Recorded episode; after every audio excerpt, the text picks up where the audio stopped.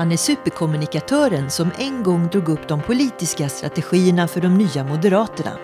Nu har han lämnat maktens korridorer för fiktionens värld och berättar om vikten att förändras eller dö. Detta är Hjärntillskott med Lydia.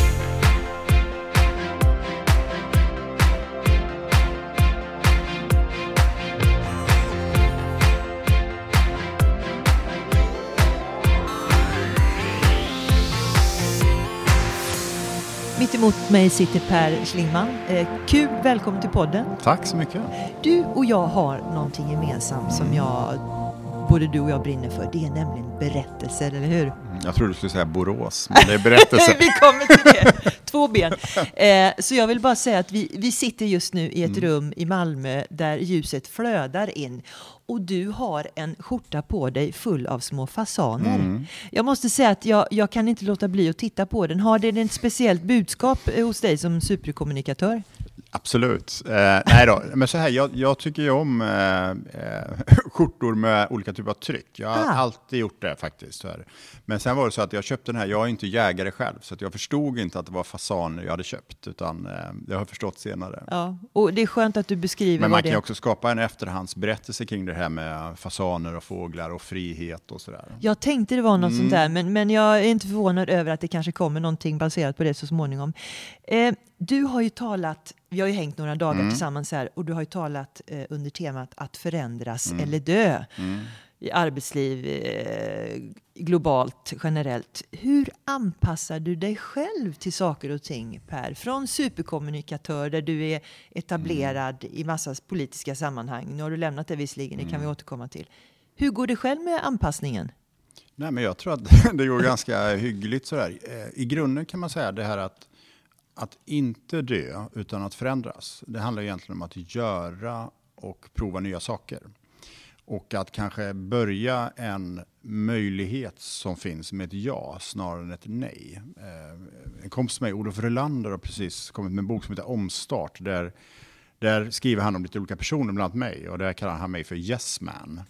Nämligen det här att faktiskt liksom bejaka möjligheter som finns snarare än att tänka att ja, jag jobbar med det, därför ska inte jag göra det här. Utan, och så har jag kan man kan säga, varit de sista framförallt fem åren. Och det har liksom hittat mitt sätt. Men jag har alltid försökt hitta ett sätt kring hur, eh, hur, jag, hur jag kan lära mig saker och ting från områden som man kanske inte omedelbart tänker. Jag kom, när, jag, när jag jobbade i politiken så reste jag väldigt mycket i Sverige, eh, framförallt med tåg. Och då gick jag ofta in på Pressbyrån och köpte så här tio magasin som jag aldrig hade läst. Det handlar om fiske, MC, handarbete, vad det än är. Och det som händer någonstans är att man fångar upp små fragment som man sen faktiskt liksom kan lära sig någonting av. Så att nyfikenhet är någonting jag själv jag tror att alla människor är nyfikna, men man kan också jobba aktivt med det. Genom att aktivt göra saker och ting man inte gjort tidigare. Mm. Men det där är ju också lite läskigt för om man ska använda det när man träffar eh, nya människor Mm. så ska man ju gå och prata med någon man aldrig trodde man skulle prata med i ett Mm. annat sammanhang. Ja, så är det ju. Eh, och det är också väldigt intressant hur man förhåller sig till andra människor. Eh, och det här att man har ofta ganska starka förutfattade meningar. Och det hände mig en, en otroligt eh, livsavgörande sak i allt detta. Det var, jag tror jag var 25 år kanske, så jobbade jag inom MTG. Eh, och sen så, som alla eh, liksom, pigga 25-åringar, så vill jag ju göra karriär. Så att jag skulle då bli chef för en ganska stor grupp, så här 25 personer på den tiden. Och då fick jag genomgå två, två dagars psykologtester. Eh, och då konstaterade en av de här personerna eh, så här, som sa så här, Per, du är väldigt rationell. Mm. Och du måste inse att som, i den roll du ska ha så ska du också leda människor som är mycket mer känslobaserade. Framförallt säljare som är ofta känslobaserade. Men du är så pass rationell så du förstår att du måste vara känslobaserad. sa hon. Men det fick mig, jag tror att ända sedan dess har jag gått väldigt mycket och tänkt på det här. Att, att verkligen inte försöka ha förutfattade meningar om människor bara för att de jobbar med någonting visst eller kommer någonstans. Sen har man det, hur mycket man än försöker hävda någonting annat. Men att verkligen försöka tänka så. Och det gör att man märker att man kan jobba med saker och ting som man aldrig trodde. Jag har ju är delägare i ett företag som säljer liksom ekologiska och veganska produkter och håller på med tv-serier och gör saker och ting som ligger ganska långt ifrån det som man skulle kunna tänka och tycka vore min liksom, kompetensbas. Mm. Du måste berätta lite grann om den här eh, groende eh, tv-serien. Den mm. är ju inte mm. klar ännu. Eh, eh, baserad på dina erfarenheter från Maktens korridorer. Först bok och nu mm. tv. Eh, berätta. Ja, men det, och det går lite grann på samma tema. Jag bestämde mig för, det måste nu varit tre år sedan, för att jag skulle testa att skriva skönlitterärt. Det blev sen boken I maktens öga som kom för ett år sedan. Men under tiden jag skrev eh, så var jag bland annat på Tennisveckan i Båstad och skulle föreläsa och sådär. Eh, och då var det också en filmproduktion där. Eh, de har gjort en sån här crowdfunding.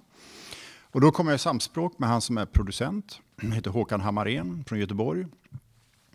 Och, eh, och jag tänkte så här, jag, jag, ber honom läsa min text. Det var också så här, varför skulle jag göra det? Men jag tänkte så här, läs min text så kommer du säkert ha några filmiska synpunkter, tänkte jag. Mm. Men han kom tillbaka och sa så här, det har jag absolut, men jag vill också köpa filmrätten. Så jag hade sålt filmrätten innan boken kom ut och jag var med också. Men blev du inte jätteglad då? Jag blev, alltså jag, för, mig var det helt, för mig är det fortfarande surrealistiskt. Tänk bara så här att jag för typ tre år sedan lämnade en värld som helt baserades på verklighet, på fakta, på empiri. Varit inne i politiken i tio år. Och sen så ska jag gå in i en värld där jag kan skapa min egen berättelse. Jag kommer ihåg första kapitlet jag skrev, åkte jag mellan Stockholm till Göteborg. Jag minns ingenting av resan. Utan jag bara minns när vi kom in i Göteborg. För det, alltså det var så lustfyllt att helt plötsligt tillåta fantasin. Så jag skapade alltså då karaktärer där i min, eget, min egen skalle. Mm. Skapar en berättelse och karaktärer som sen tre manusförfattare har liksom tolkat och som nu skådespelare tolkar. Så det, det, är, det är för mig en helt surrealistisk upplevelse. Jag, det är en sån här dröm jag inte visste jag hade. Nej, precis. Det är fantastiskt. Men det är också fascinerande för eh, vi pratar nu här om eh, tillrättalagd verklighet. Mm. Nu blandar vi ihop teman här och det är bra. För Netflix, Spotify och alla de här underhållningsaktörerna mm. eh, anpassar ju lite grann eh, budskapen så att det ska funka med algoritmer och så vidare. Mm. Så det här blir också svårt att förhålla sig till. Är verkligen den underhållningen vi ser en mångfald eller någon som bara bestämt hur vi ska underhållas?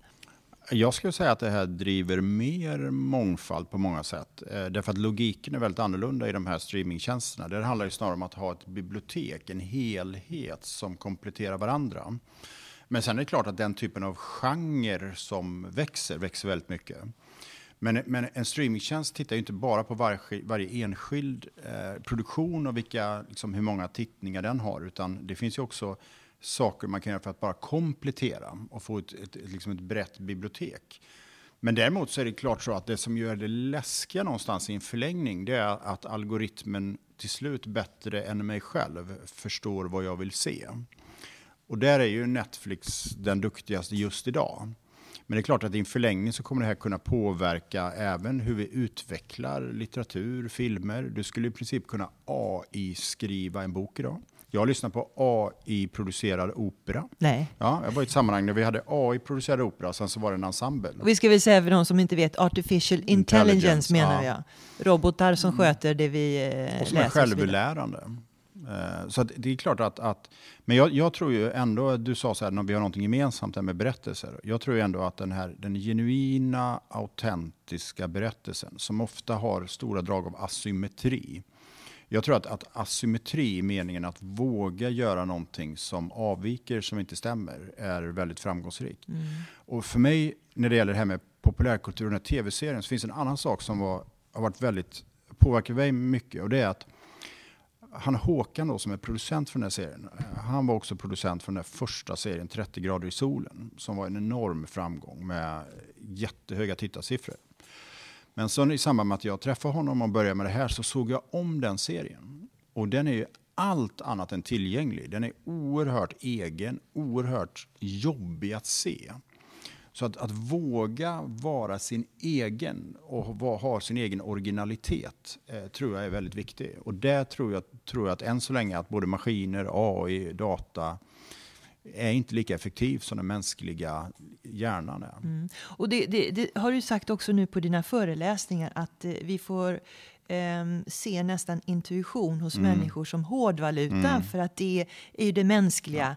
Ja. Eh, men men eh, hur ska vi ha tid med att känna efter vår egen intuition och sen fatta beslut på en, på en verklighet vi inte har superkoll på? Mm, det, därför att vi måste helt enkelt pröva oss fram. Det är ju det enda sättet vi har att lära idag, att egentligen att testa saker och ting, eller kanske ännu bättre att låta andra testa saker och ting, men lära av andra och inse att man kan lära av andra som kanske också ligger utanför ens egen bransch. Mm.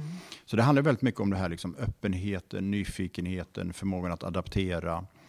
Eh, och vissa människor är sådana som tänker att jag vill själv prova allting nytt. Vissa är lite mer riskaverta och då kanske det handlar mer om att lära av andras misstag. Men det är ett helt nytt sätt att förhålla sig till beslutsfattande, till att driva verksamheter och företag. Mm det här ordet och begreppet samarbete blir mer och mer aktuellt eh, i alla möjliga sammanhang. Mm. Kan man prata om samarbete även inom politiken på ett sätt som verkligen är, är effektivt och inte bara ord? Ja, absolut. Eh, politik, inte minst i Sverige med sånt här eh, system med många olika partier, handlar ju i grund och botten om samarbete. Jag tror att vi kommer att se det ännu mer. Jag tror att vi går mot en tid när mer makt förskjuts mot eh, städer, urbana regioner. Jag tror att vi kommer att ha ett system i Sverige om inte allt för lång tid med direktvalda borgmästare där man kan kandidera inte från partierna utan från vem som helst. Och vad handlar politik om i städer? Det handlar om att skapa attraktion. Att locka människor, locka företag, locka kapital, att ha en idé om vilken typ av stad man vill utveckla, vilka kluster man vill utveckla och så vidare. Och det handlar ju egentligen bara om samarbete. Samarbete mellan politik, människor, näringsliv, akademi, samarbete mellan partier. Jag tror att väldigt mycket av det vi har kallat för konkurrens handlar i grund och botten om samarbete. Mm. Ibland tänker jag på det när jag går in i typ de här elektronikhandeln. Eh, då, då är det väldigt lätt, man tycker att alla konkurrerar med varandra. Samsung liksom konkurrerar med Apple och så vidare. Och det gör de ju i konsumentinterfacet. Men bara man skrapar lite på det och går bakom så samarbetar de hela tiden. När du säger eh, direktvalda borgmästare, bara det klingade kvar i mitt huvud här. Då kanske vi hamnar i den situationen att vi blir lite som andra länder, eh, ingen nämnd och ingen glömd, att det handlar om pengar. Den som har de bästa kampanjerna och störst plånbok blir vald. Ja, nej men absolut. Ä även om hela logiken nu med det nya kommunikationslandskapet i grund och botten innebär att pengar spelar mindre och mindre roll. Det är förmågan att berätta Titta på Isabella Lövengrip och hennes fantastiska resa. De är på väg att omsätta 100 miljoner eh, alldeles snart. Det har inte hon byggt via pengar utan en förmåga att berätta, skapa nätverk, skapa följare. Som alla de andra stora, exempelvis kosmetikakedjorna, bara står och tittar på. Som bygger mycket mer på den traditionella strukturen. Så det, det skulle jag säga, jag tror att det som kommer hända är att det kommer att gynna starka berättare. Det kommer gynna eh, människor som har en tydlig egen idé. Och vad vi ser just nu i politiken, där man har direktvalda borgmästare, så är det ju väldigt progressiva borgmästare som man väljer. Titta på London, titta på New York och så vidare. Så det är ju inte de som har liksom störst kapital, utan ofta som har progressiva idéer. Men hur växer, eller hur ska vi förhålla oss till valutan med likade tummar och poddvalutor som vi sitter nu med? Eh, hur, hur, mycket kommer det här att, att spela någon roll när vi rankar beslutsfattare eller personligheter generellt? Alltså, det här med liksom tummen upp och sådär, det är ju eh, det uttryck som vi idag har att mäta på i sociala medier. Det kommer ju säkert förändras och förfinas. Men jag är väldigt övertygad om att vi ser en ökad personifiering. Att eh, företag och varumärken alltmer blir beroende av personligheter och personer. Och då kan man ju ta återigen, tar man Isabella Lövengrip så kan man säga att hon har ju gått hela vägen. Hon har så att säga sina kunder som sina egna följare och har däremot, därmed enorma fördelar mot andra när det gäller hur snabbt man kan produktutveckla, hur snabbt man kan gå till marknaden. Hon ja, och sen inte... den här direktkontakten. Ja, hon har inga flera avdelningar nej, mellan exakt. henne och nej, klienterna, precis. kunderna. Så, så, ska vi ta fram en ny färg på, på ett läppstift så går det på 20 minuter. Mm. Medan annars måste man göra marknadsundersökningar och sådär. Så det är att gå hela vägen. Men annars handlar det väldigt mycket om ledarskapet, att etablera företagskulturer, eh, till att man kan använda det för att gestalta, bygga hela sitt varumärke på det som Nespresso exempelvis. Eh, eh, tittar man på bankerna exempelvis så har de ju ganska profilerade privatekonomer. Man försöker olika, på olika sätt personifiera och det bygger på den enkla, enkla insikten om att vi människor är väldigt intresserade av andra människor. Och vi är i grunden helt ointresserade av varumärken, organisationsstrukturer och annat. Som man lätt i en styrelserum tror att människor är intresserade av. Mm.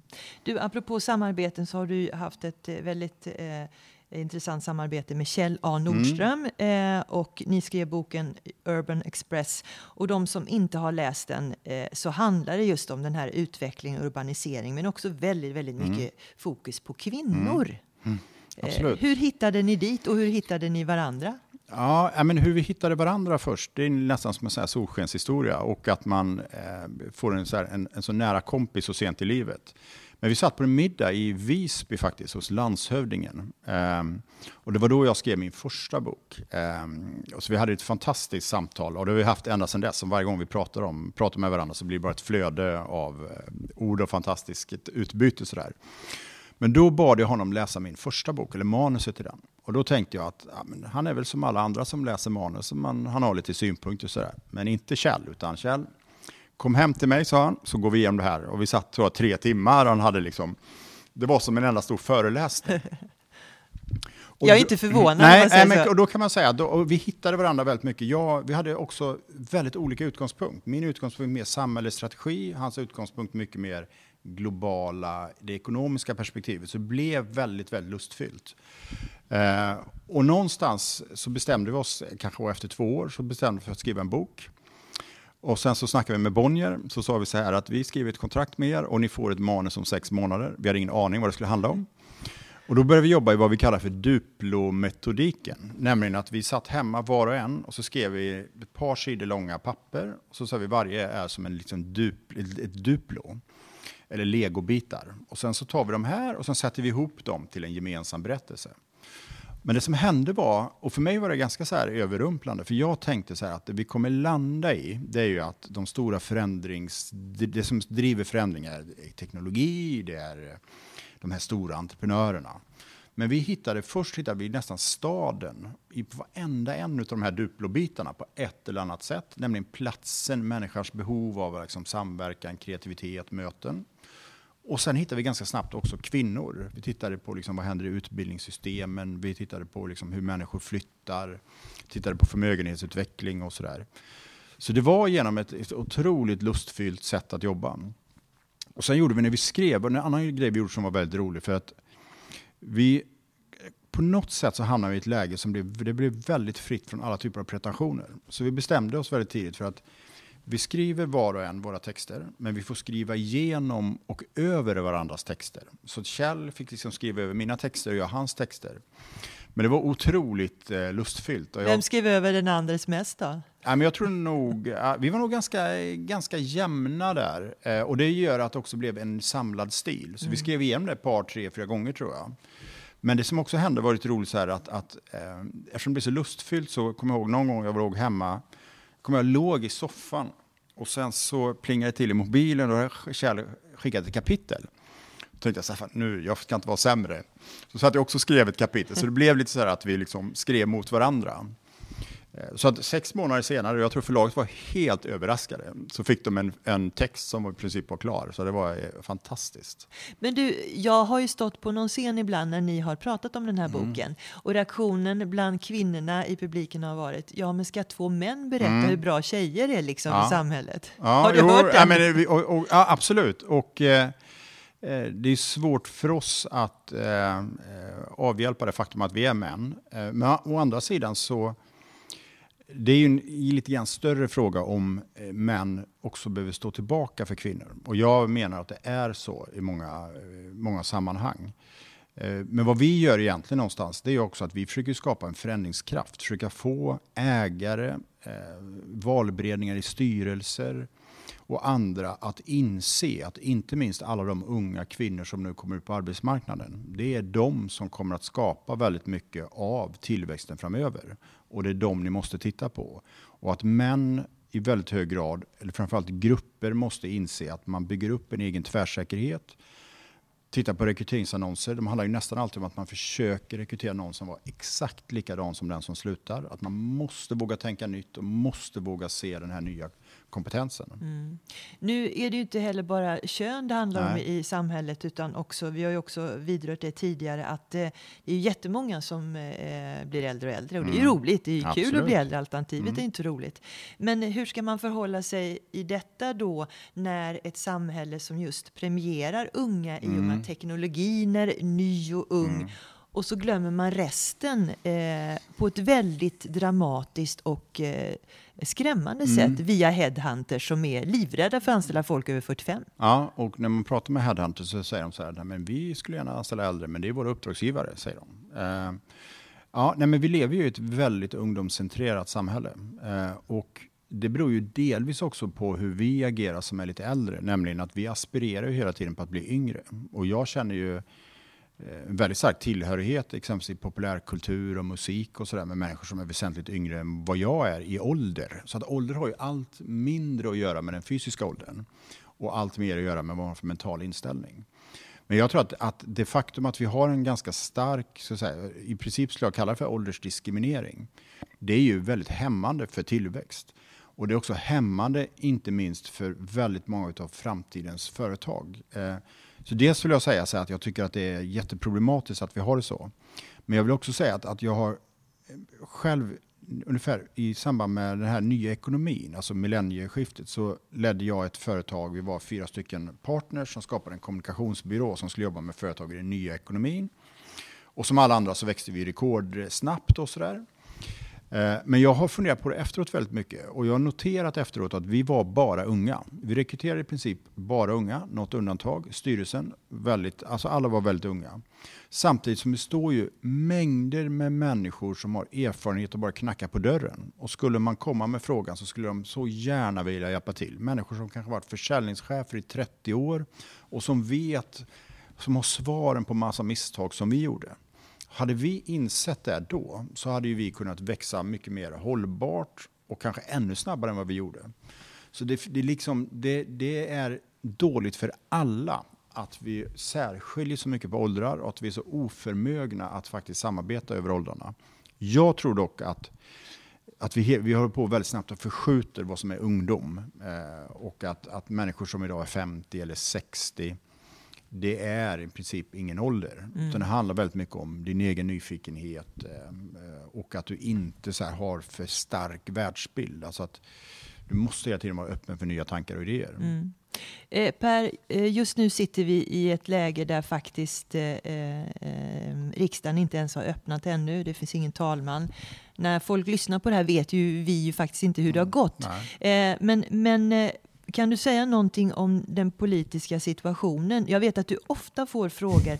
Kan du hotta upp Moderaterna som du gjorde 2006 ja. med Reinfeldt och Borg? Vad säger du då?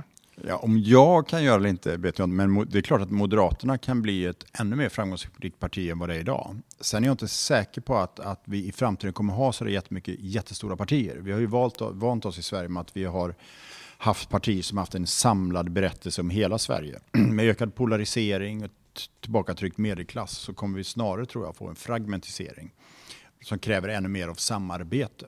Det som är väldigt speciellt nu är ju att, att vi har en kombination som är väldigt märklig. Vi har en väldigt upphetsad mediediskussion om det parlamentariska läget just nu. Samtidigt som det sker i ganska lugn och ro. Det finns ingen marknad, inga chockhöjda räntor, det är inga marknadsreaktioner. Utan, är inte det märkligt? Nej, utan att det, det, det, det svarar egentligen mot att teknologi och ekonomi slår politik. Eh, och att marknaden liksom diskonterar detta. Och Sverige kommer fungera även om vi inte har en regering på flera månader. Det jag tror kommer hända är att, att eh, vi kommer att få en regering, det kommer en minoritetsregering.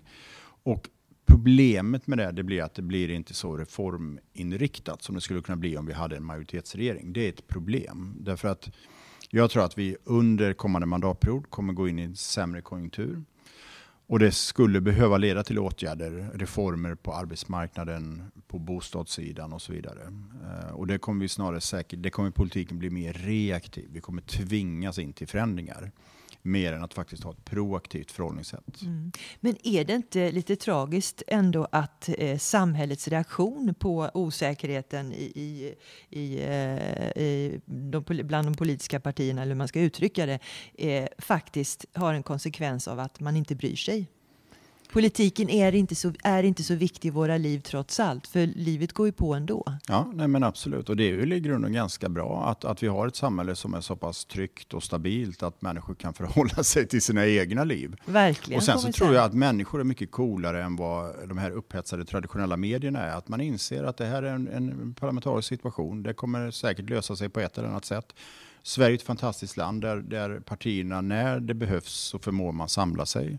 Vi har också ett system i Sverige med väldigt mycket makt på, som arbetsmarknadens parter har. Så att i grund och botten tycker jag att människor i så fall har ett mycket mer rimligt och coolt förhållningssätt till det som sker än vad traditionella medier, allting det här rykten om oense kring talmansval och så vidare. Det är ju, egentligen är det ju i det här fallet, nu kommer den här podden sändas senare, men i grund och botten är det ju statsministern som har skapat det här i och med att han inte valde att avgå direkt utan att eh, oppositionen i bred bemärkelse måste då vänta tills riksdagen öppnar för att sen kunna liksom avsätta honom och få en, en ny process. Tala om cementerat. Som sagt var, vi vet inte hur det går. Ja, men man kan också säga till en annan sak som hela valrörelsen vittnade om och det är att traditionella mediers makt att definiera vad det handlar om minskar. Mm. De hade ingen makt att definiera vad valrörelsen handlar om. Den handlar egentligen inte om någonting. Och de lyckas heller inte liksom piska upp eh, läsarna och befolkningen här till någon typ av eh, revolt. Utan människor går till sina jobb på morgonen, man jobbar, man får lön, man har sina vardagsbekymmer, man mår bra trots att vi Trots att, att det kan vara så att vi inte är klara med talmansvalet. Ja, exakt. Och det är ganska bra att det är så. Det är, det är en styrka för det svenska samhället. Mm. Att det, och liksom, jag tror att det var Belgien saknar man regering i två år. Belgien står fortfarande. Ingen bryr sig. Ja, men det, det är ett land som fortfarande ja, i någon mening fungerar. Ja. Mm. Har du lämnat maktens korridorer för gott, tror du? Ja, ja jo, men det tror jag nog eh, att jag har gjort. Samtidigt är det så att, att Eh, det enda man vet om framtiden är att man inte riktigt vet. Eh, och det är klart att jag tycker politik och samhällsutveckling och framtidsfrågor är otroligt intressanta. Jag tycker att det jag skulle vilja göra det är också att faktiskt, eh, om man på något sätt kan påverka, försöka få politiken att bli lite mer framtidsinriktad. Att inte bara förhålla sig till de här liksom kortsiktiga processerna som bereds i regeringskansli och kommuner, utan faktiskt liksom våga ha ett perspektiv och se utvecklingen lite bredare. Och jag saknar väldigt mycket en sån diskussion. Det är inte givet att den ska vara i de politiska partierna utan kan också vara utanför partierna. Men med en väldigt stum och kortsiktig politisk debatt. Mm. Det skulle vara kul att göra. Det andra som skulle vara intressant, det tror jag är att mer titta på det lokala. För jag tror verkligen att städer och det lokala ledarskapet kommer bli viktigare. Och vi har ännu inte riktigt i Sverige hittat den här formen för ett starkt urbant lokalt ledarskap. Det skulle också vara lite kul att, att jobba med och fundera på liksom, hur skulle en svensk version av en, en borgmästare fungera? Intressant. Mm, Lite grann som rockstjärnor som vi tog upp här idag också faktiskt. Ja, rockstjärnor, men det är också så att, att eh, ibland när jag var inne i politiken så fick jag ibland frågor så här, att om du skulle få skapa den perfekta politikern, nästan som en avatar, eh, hur skulle den bli? Och då sitter man och funderar, till slut så hamnade jag intuitivt kan man säga i någon så Hillary Clinton-person. Mm.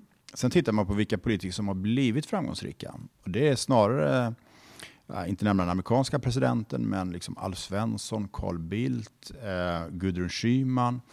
Personer som är autentiska, som jobbar långsiktigt, det är personer som vi ofta har förtroende för. Inte och lite de, grann fräser ifrån va? Inte lite mellanmjölks... Nej men absolut, och som har en tydlig egen värdering, som står starkt liksom, på två ben, men, men liksom, som tycker någonting tydligt och har gjort det över tiden. Mm. Och det här att, att vara liksom väldigt rolig eller rockstjärna och sådär. Eh, ja, I en svensk kontext funkar inte det. Jag tror att det handlar mer om den här, eh, vi nämnde tidigare för sen Hans Rosling, alltså den typen av personlighet som också har en väldigt stark pedagogisk förmåga tror jag ska kunna bli väldigt framgångsrik i svensk politik. Vi återkommer till det hela tiden, mm. pedagoger, mm. berättande. Mm. Eh, alltså, vart kan det här ta vägen? Vad, vad, tror du du gör själv i din egenskap av superkommunikatör med de här eh, eh, erfarenheterna och skillsen om man får svänga ja. till det lite? Men jag, jag, här, I grunden så tror jag ju att arbetsmarknaden och ekonomin utvecklas mot mer fragmentisering. Vi kommer ha företag som är mindre, som lever kortare tid och som allt mer bygger på samarbete mellan människor, med mer nätverksbaserat. Eh, och jag tror att, att jag kommer finnas i den världen eh, i ol på olika sätt. Eh, att vara med i vissa fall i det entreprenöriella och i andra fall kanske om det faller väl ut det här med eh, att skriva skönlitteratur, göra tv-serier, att också försöka underhålla lite. Men det tror jag någonstans att, att det handlar om att, att hitta sin egen position i en ny typ av ekonomi. Men den stora samhällseffekten, om man ska vara lite allvarlig i allt detta, så är det ju så att det sker en väldig förskjutning av ansvar från det gemensamma, eh, samhälle, företag till den enskilda individen. Att individen själv måste själv ta ansvar för sitt lärande och själv ta ansvar för att sälja sin egen kompetens på ett sätt som vi inte gjort tidigare. Mm. Du blir din egen headhunter nästan. Ja, du, och du, du måste själv hela tiden definiera vad är din egen unikitet, vad du är riktigt bra på. Om jag ska rekommendera en bok i det här så... Titta, nu blev vi bokklubb ja, också. men så är det en bok, amerikansk bok som heter The Gig Economy. Och när jag började läsa den så trodde jag att, den, att det var en bok, jag hade beställt ganska mycket böcker samtidigt, så jag trodde att det var en bok som handlade om liksom, fenomenet en arbetsmarknad med mycket frilans och sådär. Men det visade sig vara en bok som riktar sig till den enskilde individen. Och det var väldigt intressant, därför att den handlar egentligen om att vi måste inse att vi lever i en värld där du själv måste ta ditt fulla ansvar. Det var en amerikansk bok som man ihåg, för din egen finansiella situation, för ditt eget lärande, för din egen kunskap. Så det blev som att man tog väldigt mycket samhällsfunktioner som vi hade förutser är gemensamma, kollektiva. Och så lägger man det på den enskilde. Det är du som måste ta ansvar för din pension. Du måste ta ansvar för din kunskap. Du måste ta ansvar för att sälja din kompetens. Du måste ta ansvar för vad du kan göra för gott för världen i form av att liksom vara med i civila samhället och så vidare. Och det tror jag säger väldigt mycket. Och det är en transformation som är jättestor när det gäller mänsklig kompetens. Och det gör att, att jag är ute och, och föreläser mycket och sådär, men jag tycker att, att förhålla sig till det här är som allra svårast i sitt eget föräldraskap. Jag har två döttrar och vad ska man ge dem för råd i den här världen? Mm. Nu fick du mig verkligen att tänka. Men det här är också en kontext som gör att det är också väldigt obehagligt att plötsligt bli ansvarig över allting som handlar om en själv. Mm, det. det portionerar man ju ut gärna. Ja, och det som kommer hända naturligtvis, det är ju att det är helt irrationellt att göra så här. Att, att alla ska helt plötsligt sälja sin egen tid. Vi kommer ju hitta sätt att kunna organisera oss detta via olika plattformar, samarbeten, Människan är också i väldigt hög grad altruistisk till sin natur. Att vi vill ha sammanhållning, vi vill hjälpa varandra. Det är viktigt hur det går för grannen också. Så det är klart att vi kommer hitta sätt, men det sker en förskjutning, är väldigt tydligt. Eh, och inte minst om vi har väldigt, väldigt stark ökad livslängd, men demensperioder som också växer, då mm. kommer vårt egna behov att ta ansvar för vår privatekonomi över livet att öka också. Men jag tror att den stora utmaningen är just det här, synen på kompetens, synen på lärande. Och just idag så är det ju tydligt så att kombinationen att ha spetskompetens inom ett område med en holistisk, ett holistiskt perspektiv är väldigt framgångsrikt. Men frågan är så här, eh, hur ska man förhålla sig? Ska man liksom fördjupa sig i någonting och bli bäst på liksom en liten, liten nisch? Eller ska man mer försöka främja det här holistiska lärandet? Mm. Eh en tvärsväng till vår bakgrund, Per. Mm. Eh, det är nog bara en boråsare som du och en boråsare som jag som förstår begreppet dela kiligt, att vi måste sluta snart. Det är väldigt kiligt faktiskt. och kiligt, ja, hur beskriver du det? Vad, hur ska man tolka? Ja, tråkigt. Tråkigt, mm. synd och sådär. Synd, ja. Du är ju född i Borås precis mm. som jag. Och det roliga var, apropå valtider, var att nå, i något sammanhang så tog man upp Borås som att Borås ser ut som hela mm. Sverige. Ja, Stämmer det? det? Ja, uppenbarligen. Jag trodde att det var Växjö. Men det är uppenbarligen Borås. Är, Kön, ålder, arbetslöshet, allting. Där. Men det är väldigt, jag måste säga, väldigt roligt det gäller Borås och politiken. Jag eh, kom in i kommunfullmäktige, har jag nu räknat ut, 1991. Det är några år sedan. Och det var så roligt då, för då var jag ungdomskandidat som det hette då. Och då satt jag på näst sista platsen. På sista platsen satt en kille som hette Ulf Olsson från Socialdemokraterna som var lika ung som jag.